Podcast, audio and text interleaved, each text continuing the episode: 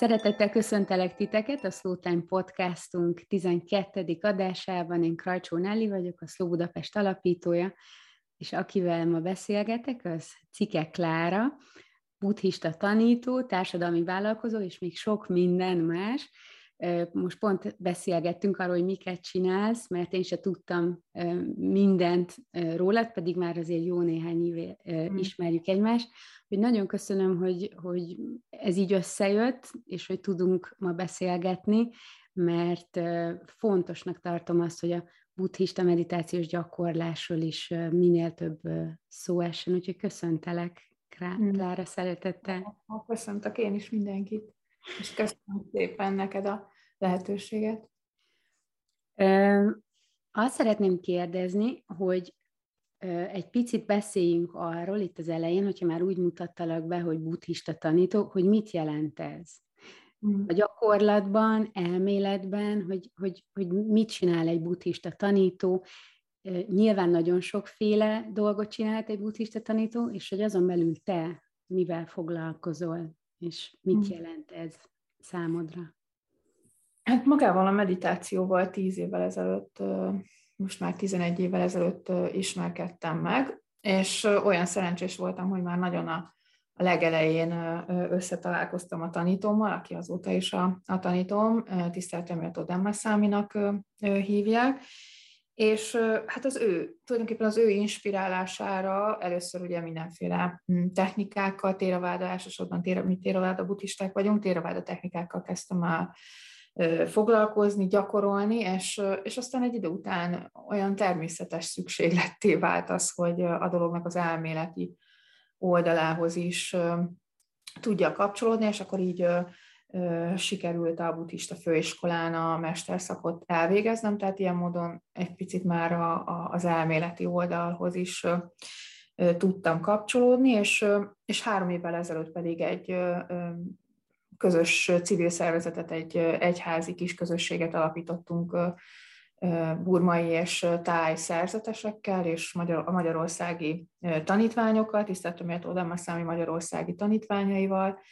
és tulajdonképpen ennek a közösségnek vagyok a, a magyarországi vezetője. Egy kolostort kezdtünk el építeni három évvel ezelőtt, úgyhogy elég sok része lett ennek a közösségnek, illetve már korábban is foglalkoztunk Téraváda könyvek megjelentetésével, és ezt is csináljuk most is,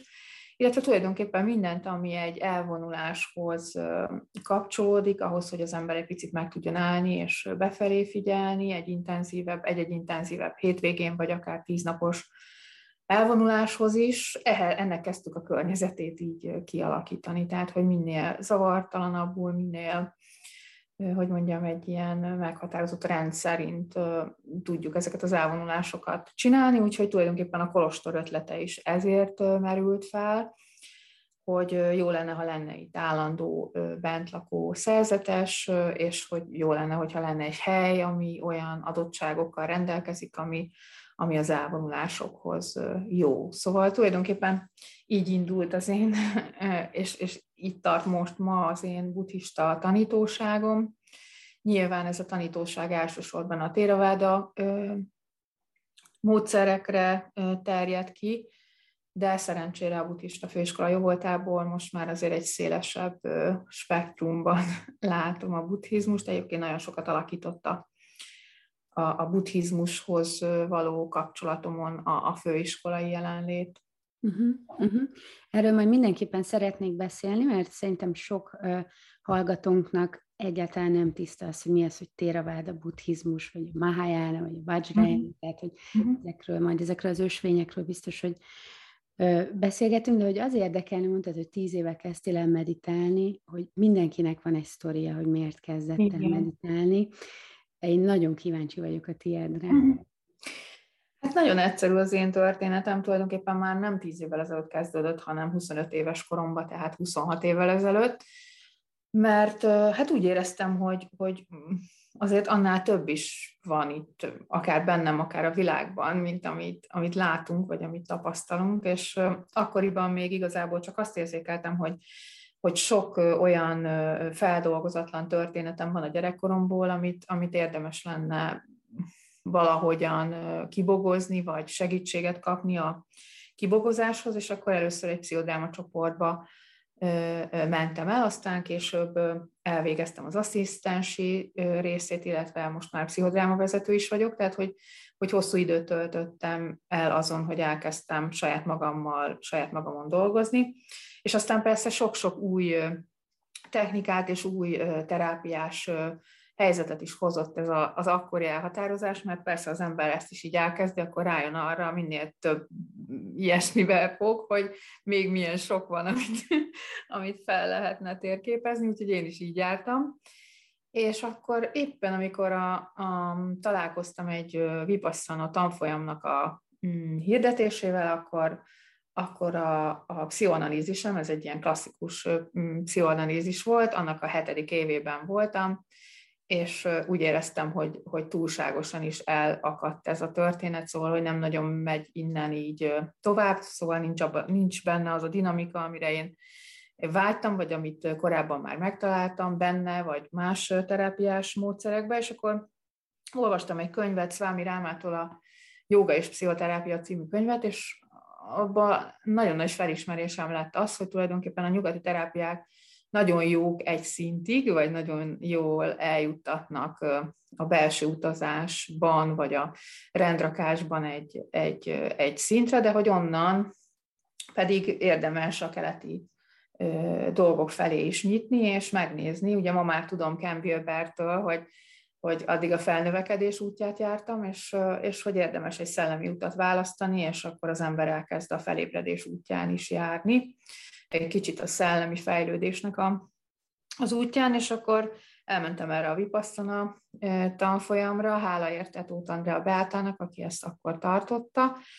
és, és gyakorlatilag már az, ez februárban volt, akkor voltam 40 éves, és már azon a nyáron találkoztam tiszteltemért Odámaszámival, és akkor onnan, onnan ez, ez egy ilyen szerves úttá lett. Nem jelenti ez azt, hogy elhagytam volna teljesen a felnövekedés útjának a, a, a, a fejlesztését, vagy az azon való járást, mert a mai napig is én tartok egyéni terápiákat, így hát járok pszichológushoz is, és folyamatosan nyomon követi szupervízor is a munkámat, tehát hogy, hogy erre azt gondolom, hogy szükség van egy életen át, mert nem mindenre látunk rá, és a meditáció sem egy hogy mondjam, egy olyan csodaszer, amitől minden megoldódik, hanem, hanem ez is csak egy eszköz arra, hogy, hogy az ember minőségi életet élhessen, illetve hogy azokon a fejlődési mm, utakon járjon, amelyeket meglátott, és amelyek, amelyek még, még tartogatnak új és új dolgokat, és ez, és ez, ez, ez szinte egy folyamatban, folyamatosan látható is. Nagyon egybecseng az, amit mondtál azzal, ahogyan én gondolkodok az önfejlesztésről, önismereti útról, hogy, hogy nem érdemes kizárni egyiket és a másikat sem. Mindezek ellenére nagyon sokszor hallom buddhista tanítóktól azt, hogy, hogy nem jó a, a pszichoterápia, mert csak az egót, az egóval foglalkozik, és ugye maga a meditáció az pont azzal foglalkozik, hogy engedjük el az egót, hogy lebontsuk az egót, leromboljuk az egót, vagy nem tudom milyen szót használják, ami nem feltétlenül ennyire agresszív, mm. és hogy másik oldalról pedig azt látom, hogy az, hogyha valaki ö, ö, ö, sérül ten, vagy, vagy nagyon nagy szenvedésben kezd el meditálni, és mondjuk rögtön egy elvonulással kezdi, az viszont egyáltalán nem biztonságos, és hogy személyes tapasztalatból azt is láttam, hogy nagyon sokszor a buddhista tanítók sincsenek arra felkészülve, hogy ezekkel a ö, ö, helyzetekkel kezdjenek valamit, és hogy ilyenkor inkább csak túláradás lesz az élmény, vagy lefagyás lesz az élmény, tehát valami olyasmi, ami egyáltalán nem gyógyító, és ugye nyilván buddhista tanítók is úgy dolgoznak, hogy ne ártsunk, és hogy meg minden segítő ember egyébként így dolgozik, de hogy ez mégis benne van, akkor ebben, hogyha valaki ugyanide, hogy teljesen kezdő, és hogy még soha se foglalkozott az egójával, én mindig azt mondom, hogy a terápiának nagyon fontos része az, hogy a sérült részeinket, az egót, a gyereket meggyógyítsa, és hogy enélkül egyébként a meditáció is, tehát az se tud haladni. Tehát mind a kettőnek kell együtt mennie, és támogatnia egymást, hogy akkor jól érzem, hogy te is valahogy ezt, ezt képviseled, ami egyébként számomra egyébként kivételes látásmód, de majd mondod, hogy nem mm. Nelly, már a buddhizmus itt tart, és hogy már mi is ezt képviseljük. Igen, hát én pont ebben hiszek, amit most elmondtál, és ebben nagyon nagy segítségemre volt tiszteletem Odama Számi, akit mi így a, a, az ő tanítványai egyszerűen csak a buddhista tanítón túl pszichológusnak is szoktunk hívni, mert ő tényleg azzal a gyengétséggel és olyan módon fordul oda a, a, a tanítványokhoz, hogy az, az abban egyszerre van jelen egy terapeuta és egy, és egy buddhista tanítónak a, a tudása. Úgyhogy én igazából tőle tanultam ezt a, ezt a, ezt a megközelítést, és bár ő nem olvasott Ken Wilbert, de, de, de abszolút azon az, azokon az alapokon gondolkodik. Tehát ő is úgy gondolja, hogy a meditáció mindenre nem orvosság, tehát ő például egyáltalán nem javasolja, hogy valaki egy tíznapos elvonulásra rögtön elsőre, mint egy ilyen bungee jumpingon így, így elinduljon, mert hogy ez egy, ez egy testi és mentális kihívás, de nem a szónak a 21. századi ilyen ugorjunk bele, és az egónk majd aztán győzni fog, és fog összeszorítva végigcsináljuk. Szóval e, egy ilyen fog összeszorított végigcsinálásnak egy tíznapos elvonás értelmében semmi értelme nincsen. Úgyhogy, úgyhogy lehet, hogy kibírja az ember, de tulajdonképpen azon kívül, hogy, hogy, hogy picit elcsendesedett, sok, sok eredményt nem fog tapasztalni. Tehát, hogy én azt gondolom, hogy, hogy ez egy nagyon alapos építkezés, a, a meditáció, és, és talán mondhatom, hogy azok a szerzetesek, bár ugye a szerzetesek, tehát ugye a téraváda buddhizmus, ez gyakorlatilag az ősi buddhizmus a szerzeteseknek a, a buddhizmusa, de a mi tapasztalatunk az, hogy tiszteletre méltó Damaszámi körül lévő szerzetesek nagyon hasonlóan gondolkodnak ehhez. Tehát Szokták mondani, hogy tulajdonképpen a buddhizmus eljön keletről nyugatra, itt, itt hozzárakódik egy csomó minden, és, és átváltozik benne egy csomó minden, és aztán így tér vissza majd nyugatról keletre ez a fajta hogy mondjam, tehát ez az összerakott tudás, ami már tényleg tartalmazza ezt a felnövés és, és felébredés féle megközelítést egyben. Úgyhogy én nagyon ezt tapasztalom azoktól a szerzetesektől is, akikkel mi mi dolgozunk, és egyáltalán nem ördögtől való az egónak a jelenléte, hiszen az egóval ebben a 21. századi világban muszáj élnünk, vagy hogy enélkül nagyon nehéz lenne élni. Tehát azok a szerzetesek, akiket én ismerek, már ők sem olyan szerzetesek, hogy ülnének nap 20 órát e, egy nap, és csak meditálnának, hanem nagyon sok dolguk van nekik is. Tehát ugye tanítanak külföldön, utazni kell egyik helyről a másikra, tanítani kell. Egyetemeken, főiskolákon, rengeteg emberrel, különböző emberekkel kell találkozni, nyugatiak, ázsiaiak, mindenféle keleti emberrel, tehát ők is nagyon összetett tudással kell, hogy rendelkezzenek ahhoz, hogy tanítani tudjanak. Az én tanítom egyébként ő 25 évet élt Angliában, tehát ilyen módon abszolút ismeri a nyugati embereket, és azt a fajta egót, amit a nyugati emberek általában kifejlesztenek, Nyilván egy arra a fajta túlszaladt egóra nincsen szükség, amelyik magamutogat, rivalizál, és, és mindenfajta dolgokat csinál, ami hát a belső elcsendesedést, vagy a szellemi útonjárást majdnem teljesen lehetetlenné teszi, de arra a fajta egóra viszont igenis szükség van, amelyik eljutat minket egyik helyről a másikra, és, és jelen van, amikor, amikor jelen kell lenni, de egyébként egy konszenzusban vagyunk vele, és nem hatalmasodik el, vagy nem hagyjuk, hogy, hogy, hogy elhatalmasodjon, és ez az ego, ez nem egy, nem egy hisztis kisgyerek már, hanem egy felnőtt, és ezzel a felnőttel lehet megállapodásokat kötni, és lehet, lehet úgy együttműködni, hogy az a meditációs szellemi útunkon való járást is lehetővé tudja tenni. Tehát tehát ilyen szempontból nagyon fontos szerintem, hogy egy, egy mai a szerzetes, vagy hát a mai a szerzetesek között is nagyon nagy különbség van, szóval, hogy, hogy éltek-e nyugaton, tudnak-e angolul, szóval itt is egy rétegzett közösségről vagy társadalmi csoportról beszélünk, szóval nincs olyan, hogy minden téraváda szerzetes ugyanolyan és ugyanazzal a tudással, vagy ugyanazokkal a, az attribútumokkal rendelkezik, szóval, szóval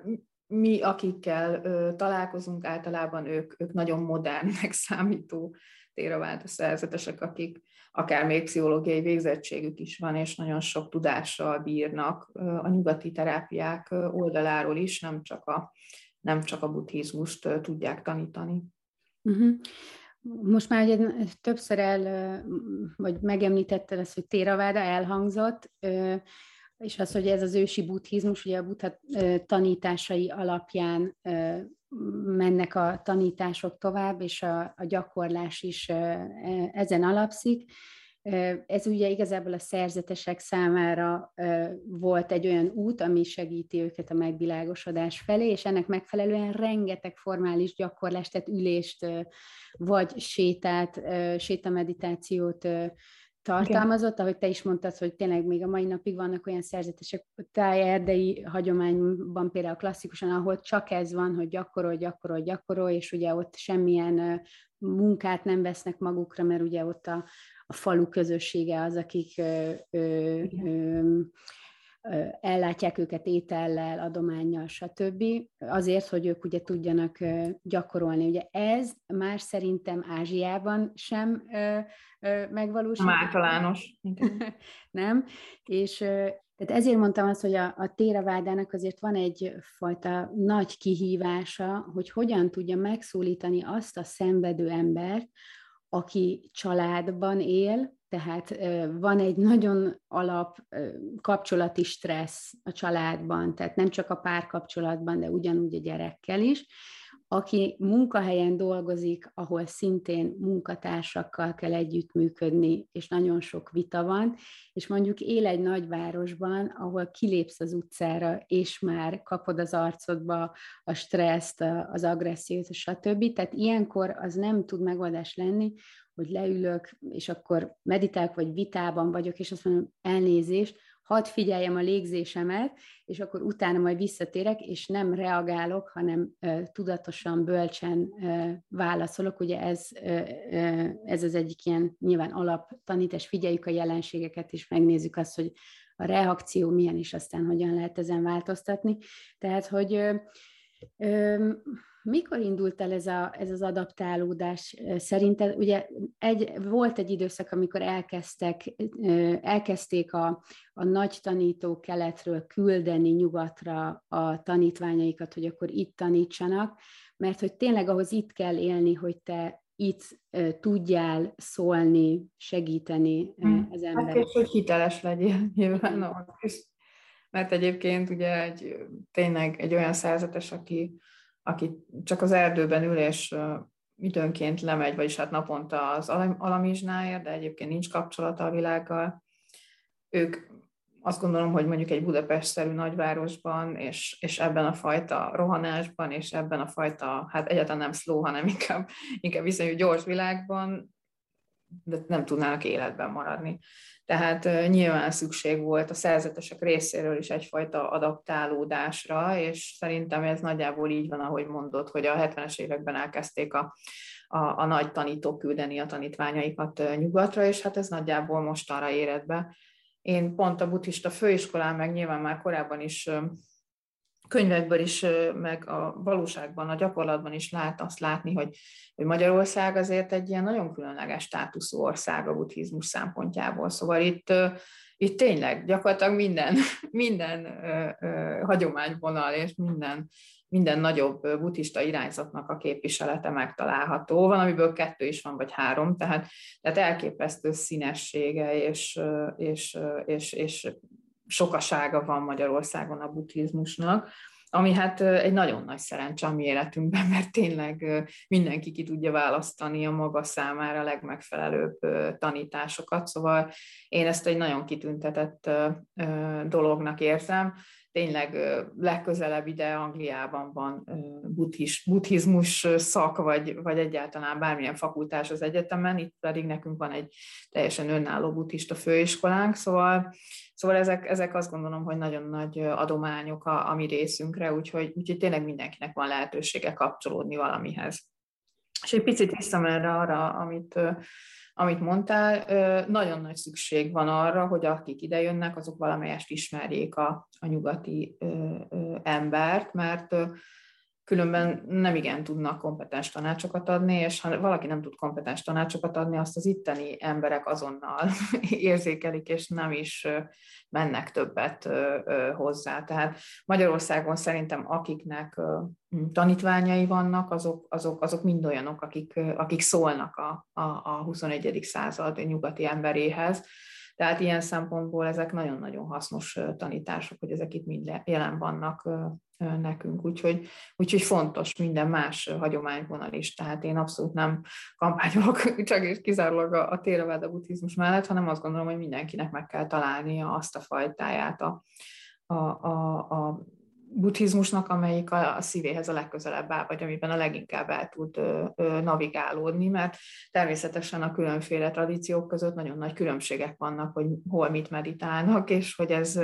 melyik miben segít, melyik hogyan tudja ö, támogatni a, a mai mai embert, úgyhogy, úgyhogy érdemes keresgélni annak, aki elégedetlen azzal, ahol van, vagy amiben éppen van, mert én azt gondolom, hogy, hogy végtelen számú lehetőség van Magyarországon, és aztán utána külföldön, aztán meg még hatványozottabban találkozni dolgokkal. De én mielőtt az ember külföldre indulna, én mindig azt szoktam javasolni a saját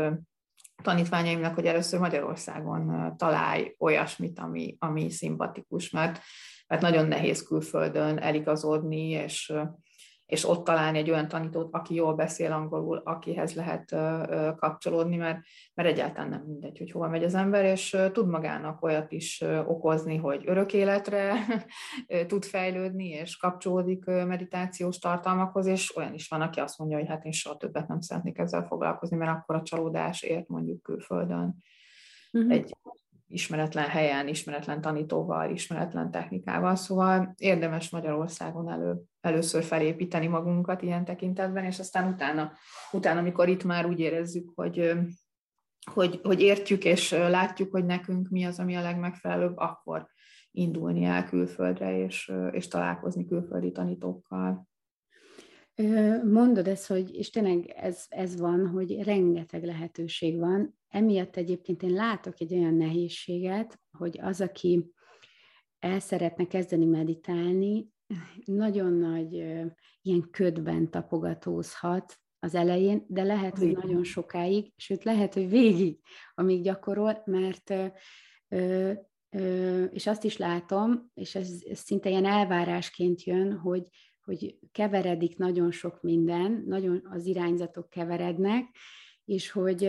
én, mi a mindfulness világban úgy vagyunk nevelve, úgy vagyunk trénelve, hogy az lesz biztonságos, ami már nem tudom, 12 éven át fejlesztették, azt hiszem még nem tudom hány évig kutatták, és hogy olyan tanárok adták ezt tovább, akik ők maguk is nagyon komoly gyakorlók, és hogy nem érdemes mind, így szétszincálni ezeket a módszereket feltétlenül, vagy mindent belepakolni utána még másból, de hogy most azt látom, hogy sokan kérik a pozitív megerősítéses meditációkat, egy kis mantrázás, egy kis zenélés, kis mhm. füstölőzés,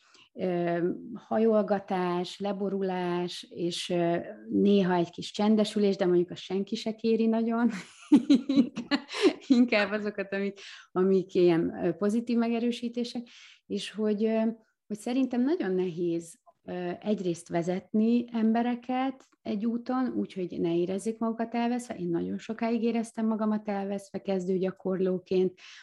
mert hogy valahogy nem láttam ennek az egésznek a keretét, nem láttam uh-huh. ezt rendszerben, és szerintem a nyugati embernek nagyon fontos az, hogy lássa rendszerben, uh-huh. hogy honnan, hova menjen, mert nincs meg az a hit, ami mondjuk egy keleti ö, emberben, hogy én, én elhiszem, hogy most ezt kell csinálnom, és majd megyek Uh-huh. Ráadásul ugye türelmetlenek vagyunk, nagyon-nagyon, és hogy És hogy emiatt van az, amit én sok buddhista tanítótól hallottam, hogy ezeket a vakontúrásokat csináljuk, így hívják, hogy ugrálunk, és akkor mm. hogy ilyen ásásokat, hogy mindig csak egy picit így ásunk egy picit, egy kis lyukat, oké, okay, megnézem, mm, nem, és ez klasszikusan ilyen nyugati attitűd, átmegyek akkor egy másikba, mondjuk eddig téra váda gyakorló voltam, most mm. átmegyek egy zen ö, csoportba, aztán átmegyek vajra táncolni, tehát hogy így ö, ö, nagyon, ö, és egyébként meg nem tudom, csinálom a kundalini jogát, ugye, hmm. mert ugye a joga az itthon egyébként nyilván már, már nagyon régóta itt van, és hogy, hogy nagyon sokan ismerik, szóval, hogy ezzel te mit, te, te hogyan indítanád el a gyakorlót? Most itt van valaki, aki hallgat minket, szeretne elkezdeni egy buddhista meditációt gyakorolni, de fogalma nincs, hogy merre menjen, és szerintem most ezen a ponton érdemes elmondani, hogy mi az, hogy téraváda, mert mondtad ezeket, hogy válassza ki mindenki azt, ami neki a megfelelő, mi az, hogy milyen a Mahayana gyakorlás, milyen a Vajrayana, tehát hogy, hogy mi az, ami, amit te itt tudsz akár segítségként mondani. Egyrészt az jutott eszembe, miközben beszéltél, hogy, hogy azt lényeges szerintem tudni a meditálásról, hogy amit az ember belül talál, nagyjából úgy van kívül is. Szóval, hogy ha elkezd befelé figyelni, és azt veszi észre, hogy ilyen vakontúrásokat csinál, akkor rögtön levonhat egy következtetést a saját belső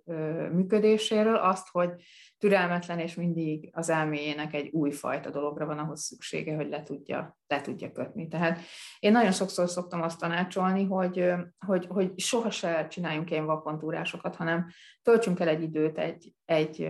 fajta dologban, és nézzük meg közben, hogy az elménk hogyan viselkedik. Mert abból a viselkedésből nagyon sok mindent le tudunk szűrni, úgy nevezzük ugye a meditáción belül, hogy belátásokhoz tudunk jutni, azzal kapcsolatosan, hogy egyébként az életben hogyan, hogyan viselkedünk, és erre igazából nincs is másfajta rálátásunk, tehát gyakorlás nélkül ezekre a dolgokra nem lehet rálátni. És ugye az emberek úgy szoktak dönteni először a, a téraváda, vagy mahajána, vagy vajrayana vonulat között, hogy, hogy olyan dolgot szeretnének, ami nagyon lecsendesít, és tényleg ez a csendesülés felé menés, és nincsen benne semmiféle szertartásosság, és nincsenek benne olyan nagy fordulatok, vagy, vagy, vagy színes, szagos dolgok, mint mondjuk a, a Mahayana vagy a Vajrayana meditációkban, ahol azért nagyon sok, amit mondtál, hogy mantrák vannak, csilingelés, ilyen szertartás, olyan szertartás, füstölök, leborulások, tehát az ember szerintem két nagy kupac között először olyan döntést hozzon, hogy elcsendesedésre vágyik, vagy, vagy inkább arra, hogy legyenek ilyen szertartások, és legyen valami ilyen nagyon erős sorvezető mert a kettő között szerintem itt, itt, itt dőlnek el nagyon a dolgok. A téraváda az egyfajta, és általában egy ilyen lecsupaszított szertartás rendű valami, és az összes többiek inkább valamit ilyen színes dolgot is tartalmaznak. Tehát én azt gondolom, hogy az első ilyen nagy döntés az, az, az e, ebben kell, hogy legyen. És aztán érdemes, amikor eldöntöttük ezt, akkor valamiben egy kicsit elmélyedni, és közben figyelni az elménket, hogy mennyire akar ki menni ebből, mert hogyha belegondolsz, akkor tulajdonképpen az emberek a nyugati terápiákkal is ezt csinálják. Én mondtam, hogy 7 évig voltam egy pszichoanalízisbe, 5 évig jártam pszichodrámába, tehát hogy bennem mindig ott volt ez a mélyülésnek a, a, a nagyon erős szándéka vagy motiváltsága. Szóval én inkább az a típus vagyok, és azért is nehéz ilyen értelemben nekem tanácsot adom valakinek, aki ilyen ugrándozós, mert, mert én, én igazából inkább azt szeretem, amikor így el tudok egy dologban mélyülni, és aztán akkor lépek tovább, amikor úgy érzem, hogy ebből már tényleg nem, nem származik olyasfajta ö, támogatás, amit, amit, amit, amit konkrétan tudnék használni a mindennapokban. Szóval legelőször is szerintem az ember lássa meg, hogy milyen, ilyen önismeretileg, és aztán utána, utána hozzon, hozzon döntéseket. És persze azt is lehet dönteni, hogy én ugrándozni fogok. De akkor ezt ilyen nagyon tudatosan kell meghozni ezt a döntést, és közben figyelni, hogy azért az sok-sok vakontúrás közül melyik az, amelyik inkább vonza az embert, és akkor abban viszont megpróbálni feloldódni és elmélyülni. Szerintem ez az elmélyülés, ez, ez egy idő után nem megspórolható. Szóval lehet, hogy az elme először, mint minden rendes nyugati elme, ilyen ugrándozós, de de hogyha el tudtuk egy picit csendesíteni, akkor biztos, hogy, hogy megszületik az elmélyülésnek a, az igénye, megszületik az elmélyülésnek a szükséglete, szerintem minden elmében valamilyen módon, és akkor ez biztos, hogy érdemes kihasználni, mert elmélyülés nélkül valójában nem fogjuk meglátni a dolgokat olyannak, amilyenek, hanem, hanem csak ugyanazokat a köröket járjuk. És amit én még így szoktam tanácsolni, hogy nagyon sok ember nem is megy el közösségbe meditálni, hanem mindenféle applikációkkal és mindenféle online vezetett meditációkkal van el évekig, és én erre is azt mondom, hogy, hogy nincs semmi baj a modern dolgokkal, az applikációkkal sem, meg a, a vezetett meditációval sem, de amikor már ebben így megtaláltad önmagadat, akkor érdemes megint csak így szintet lépni ebben, mert a vezetett meditációk hátránya, hogy az ember nem a saját belső világával találkozik, hanem egy, egy külső valakinek a hangjával, valakinek a gondolatmenetével, szóval, hogy ez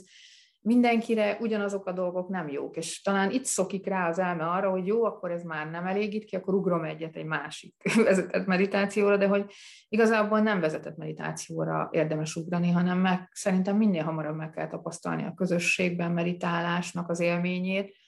és annak az élményét, hogy tényleg a saját belső világommal találkozzak, és ne egy külső ritmussal, vagy egy külső instrukció halmazzal, mert persze minden meditációban, mint technikákban vannak instrukciók, de például a Theravada buddhizmusban van az elején egy instrukció, és aztán magad vagy. Szóval nem egy olyan instrukció van, ami, ami szertartásokkal, minden 18 ponttal van, hanem hanem úgy van, hogy kapsz egy mondatot, és akkor azzal leülsz, és, és figyeled mondjuk a légzést, vagy figyeled a hasfal emelkedését, süllyedését, vagy figyeled az óra alatti levegőáramlást, szóval, hogy kapsz egy instrukciót, és akkor lehet igazán megtapasztalni azt, hogy milyen mélységekig lehet eljutni, pusztán egy olyan instrukcióval, hogy figyeld az orrati területen a levegő áramlását. Tehát ezzel éveket lehet eltölteni, és fejlődést lehet tapasztalni minden szinten. Szóval érdemes egy idő után ezekkel a dolgokkal összekapcsolni, és szerintem nagyjából teljesen mindegy, hogy melyik. Tehát a buti, említettem, hogy a főiskola azért nagy változásokat hozott bennem is a, a buddhizmussal kapcsolatosan, hogy én ma úgy látom, hogy tényleg mindegyik út oda visz, tehát ugyanoda visz, ugyanúgy a megvilágosodás felé megyünk, és akkor ezt hívhatjuk felébredésnek, ami egy sokkal vallástalanítottabb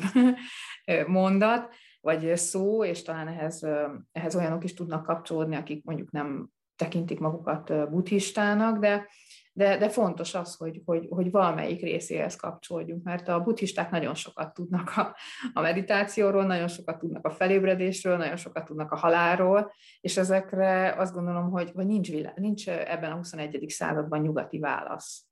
Most talán a tudomány már elkezdte az elme meg tudatvizsgálatokat, de de hát ez még nagyon messze van attól, hogy mindent értsünk ezzel kapcsolatosan, viszont a meditációban nagyon sokféle belátáshoz jut az ember ezeken a szinteken, és, és tényleg előre visz, nem csak az elcsendesülésben, ahogy te mondtad, hanem abban is, hogy, hogy meglátunk olyan dolgokat, amiket azelőtt nem láttunk meg, pedig ott voltak. Uh-huh. Igen. Most hallottam egy ilyet egyébként pont a ez biztos, hogy tanított téged is, Cserzoli, a, a főiskola rektor helyettese, hogy ő azt érzi, hogy ezek a, a, a jánák, ugye ezek az ösvényekből lesz majd, tehát ezek összeérnek, és valahogyan ebből lesz majd a buddhizmus, és nem lesz ennyire szétválasztott, mert ugye, amíg ugye a téravádánál tényleg ez a lecsupaszított, nagyon, tehát a testi érzetekre való figyeléssel indítunk, légzésfigyelés, vagy testpásztázás, és utána pedig ugye elkezdjük figyelni a jelenségeket, és azt, hogy ezek hogyan bontakoznak, és így egy csomó belátáshoz juthatunk. Addig mondjuk ugye az északi buddhizmusnak a, a, a módszerei, azok nagyon sok vizualizációt tartalmaznak, fényelmeditálást, ezeket a hm. szertartásokat, és hogy azt, ezt, erre mondják, hogy ez a gyors út, és hogy a téraváda az pedig, ahogy mondtad, hogy egy, egy orjuknál légzés követéssel el lehet lenni évekig, itt igazából megint az van, hogy, hogy türelmetlen az ember, és hogy nem nagyon akar ellenni egy instrukcióval évekig, míg régen mondjuk egy, egy szerzetes, meg le, valószínűleg biztos a táj erdei hagyomány, mert manapság is van idő ellenni évekig Igen. az orjukas légzésnél, és hogy ezért fontos az, hogy és egyébként biztos, hogy bejött ez nálatok is, nálunk a mindfulness világban most már nagyon nagyon-nagyon alap, az alapképzés része most már a tanároknak az, hogy hogyan lehet biztonságosan gyakorolni, mert a nagyon kevés instrukció és a nagyon sok térhagyás ugye az azzal jár, hogy megtölted saját belső gondolataiddal, és a, a szenvedésed az nagyon erősen fel tud jönni. Ezért van az, hogy mi kezdőknél egyébként ugye a mindfulness alapú tréningeknél vezetett meditációk vannak, mert mm. hogy segítünk, különböző szempontok szerint vannak ezek vezetve, és ugye mindig az adott témához kapcsolódik. Például nagyon sokat foglalkozunk mi a stresszcsökkentő tréningen a fájdalommal. Mm. Ami egy, egy tíznapos vipasszana elvonuláson, hát rettenetesen nagy dózisokban tud jönni fizikailag, és hát nyilván az érzelmi fájdalomnak a kivetülése aztán ez a fizikai fájdalom, de hogy, hogy a vezetett meditációkat, ezeket én ilyen mankónak gondolom, ami a biztonságot is meghozza, és aztán arra visszük az embereket, hogy ezzel a tudással menjenek tovább, és, és a csendes meditáció is része aztán egy ilyen tréningnek, és, és ugyanígy azt is el szoktuk mondani, hogy, és nem tudom, hogy ezzel te hogy vagy, vagy mit tudsz mondani, mi a tapasztalatod, hogy nem kérünk senkit arra, hogy egyféleképpen üljön, például a zen közösségben nagyon fontos a forma, hogy hogyan ülsz, de nem tud mindenki lótuszban, fél, fél lótuszban ülni, sőt a földön sem tud ülni egy csomó ember a, azzal a csípővel, csípő szerkezettel és beállott csípővel, amink van. Tehát, hogy nem tehát, hogy nincsen olyan forma, amit fontos, hogy te erőltessél a, az elején, nincsen meghatározott hosszúság sem, mert lehet, hogy a 40 percben ott igazából 35 percet végig feszülsz, és csak rosszabb lesz az egész, mint volt, hogy ki lehet nyitni a szemet, hogy meg lehet mozdulni, hogy lehet segítséget kérni, és hogy én azért a Vipassana táborokban, elvonulásokon hát voltam olyan helyen, ahol tudod, utána jöttek, hogy ne is aludjál, pedig mindenki hullafáradt, és hullafáradtan nem lehet meditálni, sőt, csak nehezebb lesz. És ez egy ilyen nagyon, tehát hogy nagyon szenvedéssel teli út lehet az, hogyha nincs meg ez a biztonságosság, és hogy azt szeretném kérdezni, hogy ti ezzel hogy vagytok, te mit látsz, és te esetleg a saját tanításodba ezt hogyan viszed bele? Hát ezt is tisztelteméltótól tanultuk, hogy bánjunk gyengéden önmagunkkal. Szerintem egy nyugati ember számára ez egy nagyon-nagyon fontos tanács, mert egy nyugati ember az annyira leközömbösítette már magát érzelmileg, nyilván most erről beszélhetnénk, hogy milyen összetevők, meg milyen folyamat során következik ez be, de olyannyira nem halljuk a saját szükségleteinket, és olyannyira nem tudunk kapcsolódni se a testünkkel, se az érzelmeinkkel, szóval semmivel igazából, ami, ami pont ezt a belső világlátást elősegítené, hogy, hogy tiszteltem értelmek mindig, mindig ez az első, és legfontosabb tanácsa, hogy egyszerűen kapcsolódj önmagadhoz, és nézd meg, hogy mi van ott. Tehát, hogy, hogy és ezt a nézést ne egyfajta ilyen korbáccsal a kezedben tedd meg, hogy, hogy minél több nehézséget okoz magadnak, hanem már a meditációban is kezd el gyógyítani a szenvedést, és gyógyítani azt a fajta belső szenvedésre való hangolódottságot, ami, ami jellemez egy, egy, egy 21. századi embert. Úgyhogy ez, ezt én ugyanígy tanítom 7 mm, éve most már a közösségünkben, és nálunk is az, hogy megmozdulni, nyugodtan mozdulj meg, címkézd az egész folyamatot, figyeld nagyon lassan, hogy hogyan mozdulsz meg, és hogyha nem, tehát hogy nem, ha nem adsz az idegrendszerednek egy ilyen nagyon durva, gyors impulzust, ha nem erőszakkal fordítod vissza magadat a, a megfigyelt tárgy felé, akkor, akkor nagyon hatékony lesz a, a meditációt. Ha, ha megjelenik az erőszak, az akarat, és minden, amit az ego tesz bele egy ilyen e, dologba, akkor, akkor ez nem fog jól menni, és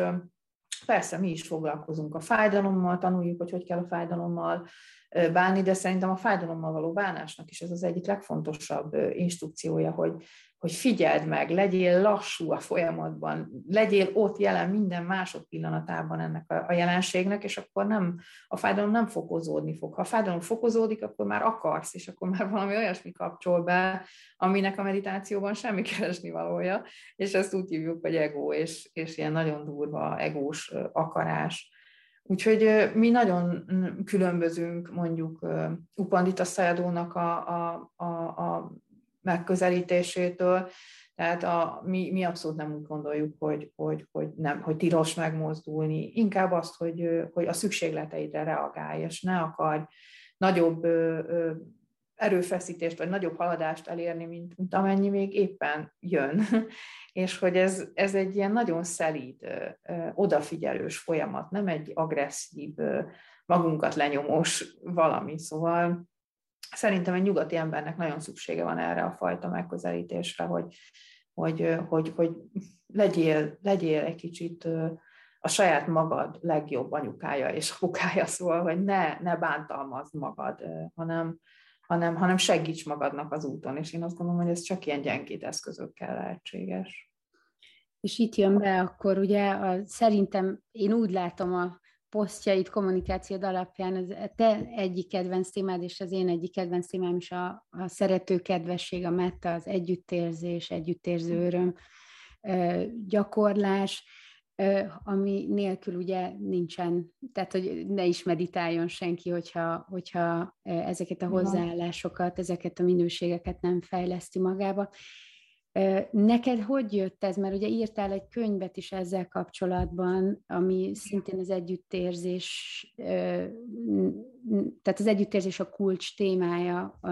a, most igen. nyáron jelent meg, ugye a könyved? Igen, igen. Bölcsesség és együttérzés a címe, és pont arról szól, hogy hogyan kell összekapcsolni a, a, az elme működését a szív működésével. Szóval, hogy a bölcsesség és az együttérzés együtt az, amelyik olyan tudatminőséget hoz létre, amiben meditálni is könnyebb, meg élni is könnyebb. És ami nekem ebből nagyon fontos a mettából, és a, tulajdonképpen a, a buddhista főiskolán a szakdolgozatomat is ebből írtam, hogy hogy a metta a számomra egyfajta ilyen nyugati-keleti módszerek ötvözete. Tehát én, én a saját metta tanításomba abszolút, és ez is tiszteltreméltó nyomán jött létre így, abszolút beleteszek nyugati terápiás eszközöket is, tehát hogy hogy abszolút dolgozunk a belső gyermekkel a mettában, amikor az önmagunkkal való kapcsolódást gyakoroljuk amikor, amikor megnézzük az érzelmeinket, akkor nagyon konkrét történeteket veszünk elő a múltunkból, és, és azon dolgozunk, és más életünk más szereplőinek a történeteivel is dolgozunk a, annak érdekében, hogy az érzéseinket meg tudjuk figyelni, illetve hogy az együttérzést újra felkeltsük magunkban, és ez ugye azért nagyon fontos, mert tulajdonképpen a nyugati ember egy folyamatosan szenvedő üzemmódban van, és bocsánat, a metta azt tanítja az embernek, hogy hogyan kell az örömöt és a, a szenvedést kiegyensúlyozni. Szóval nem csak azt tanítja, hogy a szenvedéstől hogyan tudunk távolodni, vagy hogy a szenvedést hogyan tudjuk értelemmel és érzelemmel is megérteni, és akkor hogyan tudjuk tulajdonképpen elengedni,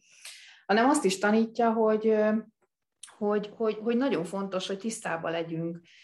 az örömökkel, hogy felfedezzük azokat az örömöket az életünkben, amik ott vannak, csak nem is látjuk őket, mert elfedjük azonnal valami mondattal, ami tönkre teszi azt a pillanatot, szóval, hogy hogyan tudjuk az örömet megfigyelni, az örömöt visszahozni, az örömöt meglátni, az örömöt felnagyítani adott esetben, pont úgy, mint ahogyan a szenvedéseinket felnagyítjuk azzal, hogy történik valami rossz dolog, és akkor azt napokig dédelgetjük magunkban, megforgatjuk még a hátunkban azt, az, azt a nyilat, amit, amit, amit valahonnan kaptunk bele, hogy, hogy még mélyebb legyen a seb, még jobban fájjon, de érdekes módon ezt az örömmel nem csináljuk, szóval az örömmel való kapcsolódás ilyen szempontból pontosan ugyanilyen lényeges, szóval, hogy ha rátaláltunk egy örömre, akkor aztán meg tudjuk tanulni, hogy ezt hogyan árasszuk szét az egész testünkben, hogy hogyan tegyük még a testünkön kívül is, vagy akár, hogy hogyan vonjunk ebbe bele másokat, hogy hogyan okozzunk örömöt azzal az örömmel, ami nekünk keletkezett, más embertársaink, vagy akár más érző lények számára. Szóval, hogy, hogy ez nagyon-nagyon gyógyító és nagyon segítő tud lenni, nem csak a meditációban, hanem a hétköznapokban is, mert ha a meditációt nézzük, akkor anélkül, hogy ez a fajta érzelmi egyensúly ne jönne létre, hát nem fog nagyon sikerülni a meditációnk, mert állandóan ki fogunk menni belőle valamilyen traumatikus élményhez, vagy, vagy a gondolkodásunk során is láthatóvá válik, hogy milyen sok szenvedést hordozunk magunkban, úgyhogy nem is törődünk vele, és igazából csak úgy lógnak a levegőben belül ezek a szenvedéscsomagok, és, és időről időre ránk zuhan egy része, akkor azzal nagyon gyorsan megpróbálunk kezdeni valamit, valami rövid távú megoldással, de igazából fel nem dolgozzuk ezeket. Szóval ez nagyon sokat segít abban, hogy, hogyha kiegyensúlyozódik így a belső érzelmi világ, hogy a meditációs gyakorlásunk is könnyebbé váljon. És hát nyilvánvalóan az, hogyha az ember nem csak a szenvedéseit látja, hanem az örömeivel is tud kapcsolódni, akkor magában az életben lesz egy boldogabb ember, és egy kiegyensúlyozottabb ember, és amit az elején mondtál, hogy, hogy rengeteg szenvedés van a munkahelyünkön, a családunkban és mindenütt, azt gondolom, hogy ha az ember sokat meditál, és, és ezt a fajta tisztítást csinálja, akkor, akkor észrevehetően csökken a szenvedés az életben. Tehát nem csak a, stressz csökken, hanem, hanem minden, ami, ami a szenvedéssel kapcsolatos, mert lesz egy másfajta rálátásom a dolgokra, egy másfajta megközelítésem a dolgokkal, és egy picit úgy a, a, a körülöttem lévő emberek is másmilyenek lesznek. Nem biztos, hogy ugyanaz az ember lesz másmilyen, de egy picit egy ilyen cserélődés is bekövetkezik, szóval hogy azok az emberek, akik nem támogatnak minket, vagy nem segítenek az utunkon, azok eltűnnek, mert igazából a szenvedés szenvedéshez tud hozzátapadni. Szóval, hogyha fogékonyak vagyunk arra, hogy, hogy bántsanak minket, akkor, akkor bántani is fognak minket, de hogyha megtanuljuk, hogy hogyan kell ezt kezelni, vagy hogyan tudjuk ezt magunkban rendbe rakni, akkor, akkor már nem igazán lesz értelmes, vagy érdemes minket bántani, és nem is rakjuk bele magunkat már ilyen helyzetekbe. Szóval nem a külvilág változik, hanem mi változunk, és ez a változás ez azt fogja eredményezni, hogy teljesen kicserélődnek körülöttünk a dolgok. Úgyhogy én minden tíznapos elvonás után azt szoktam mondani, hogy egy olyan 180 fokot változott megint az életem, szóval mindig van, van mit felfedezni, és mindig van mit, van mit meglátni. Um, akkor mondhatjuk azt, hogy mindenki gyakorolja nagyon sok önszeretetet, önegyüttérzést, és együttérzést mások felé, és az együttérző örömöt. Ez nyilván egy hosszú gyakorlás, és hogy nagyon fontos az, hogyha valaki tanárt keres, hogy, hogy nyugatiként, hogy ezt, ezt is tanítsa ez a tanár. Tehát én azt gondolom, hogy most te is elmondtad, hogy, hogy szerintem itt annyira tanárfüggő is, hogy most mindegy, hogy hogyan kezded el, de hogy, hogyha a tanárban megvan ez az együttérző szeretet, ez a szelítség, emberség igazából, hogy, hogy, hogy átérzi ezt, hogy mennyire tud szenvedni egy, egy kezdő meditáló, akkor hm. onnantól kezdve jó kezekben vagyunk, és valószínűleg e, ez azt jelenti, hogy az a tanár is ugyanúgy végigment ezeken, és hogy azért tud ennyire kapcsolódni e, hm, ehhez a, a mi szenvedésünkhöz. Igen, szóval szerintem is tanárt érdemes választani, és aztán utána a technikát. Uh-huh. Okay. Egyébként ennek az apropója, hogy miért is beszélgetünk, az az, hogy most, most elindítottad a Térakadémiát, ahol ilyen buddhista kurzusokra, meg nem csak buddhista kurzusokra uh-huh. lehet jelentkezni, amivel egyébként az erdőtelki kolostornak az építését finanszírozza minden résztvevő, tehát ehhez járulhatunk hozzá, hogy még így a végén egy pár mondatban Mesélsz uh-huh. erről, hogy mikhez lehet kapcsolódni? Persze. Tehát a Térat Akadémiát ugye nem én egyedül persze, hanem a kis közösségünk indította útjára, és tulajdonképpen itt mm, buddhista és pszichológiai tárgyú kurzusok vannak, ezek ilyen tíz alkalmas tanfolyamszerű kurzusok, ahol elmélet és gyakorlat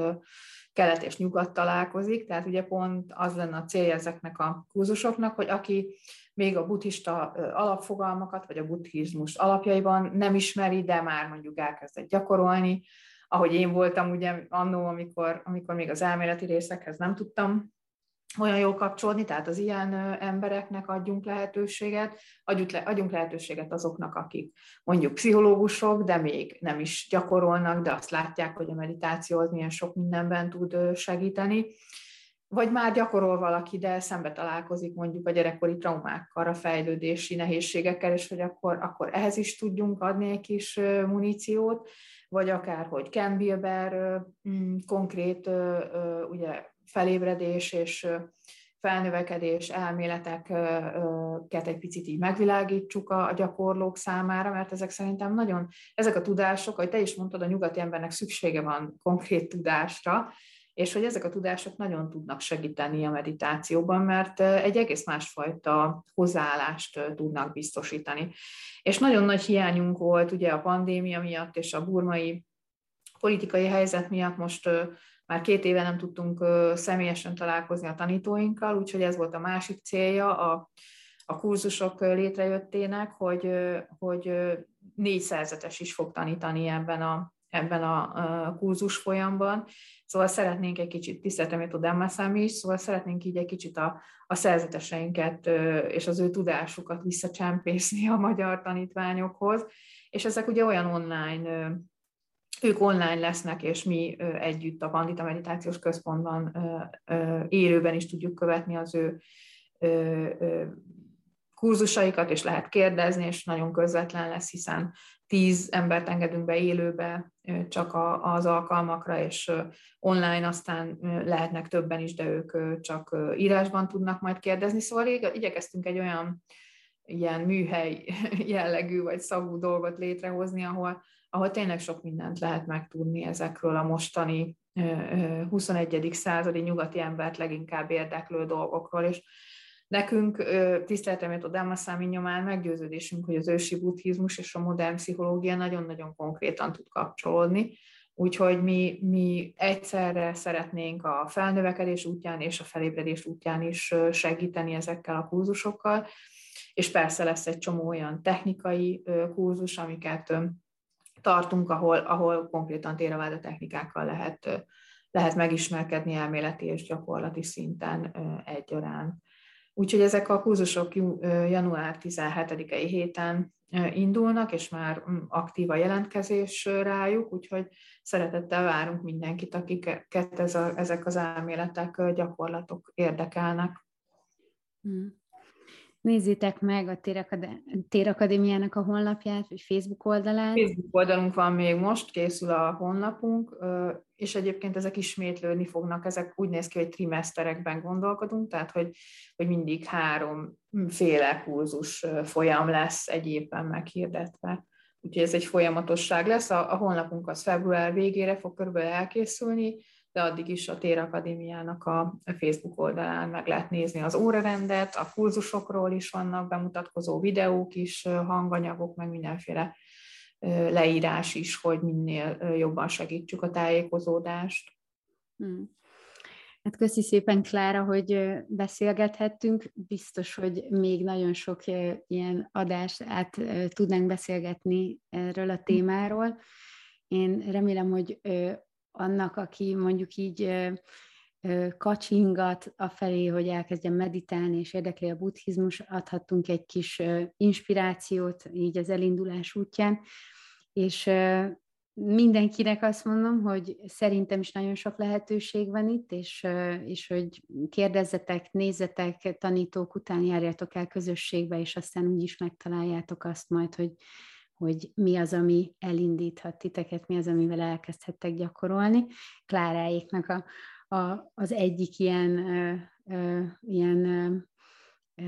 ajándékuk a, a magyar embereknek az például ez a, ez a télakadémia, mert ezek tényleg fontos tanfolyamok így itthon, és tök jó, hogy elérhetőek. Úgyhogy mm. köszönöm ezt is, én személyesen neked, és azt a beszélgetést is és minden hallgatónak, hogy itt voltatok velünk, találkozunk legközelebb. Sziasztok! Köszi, sziasztok!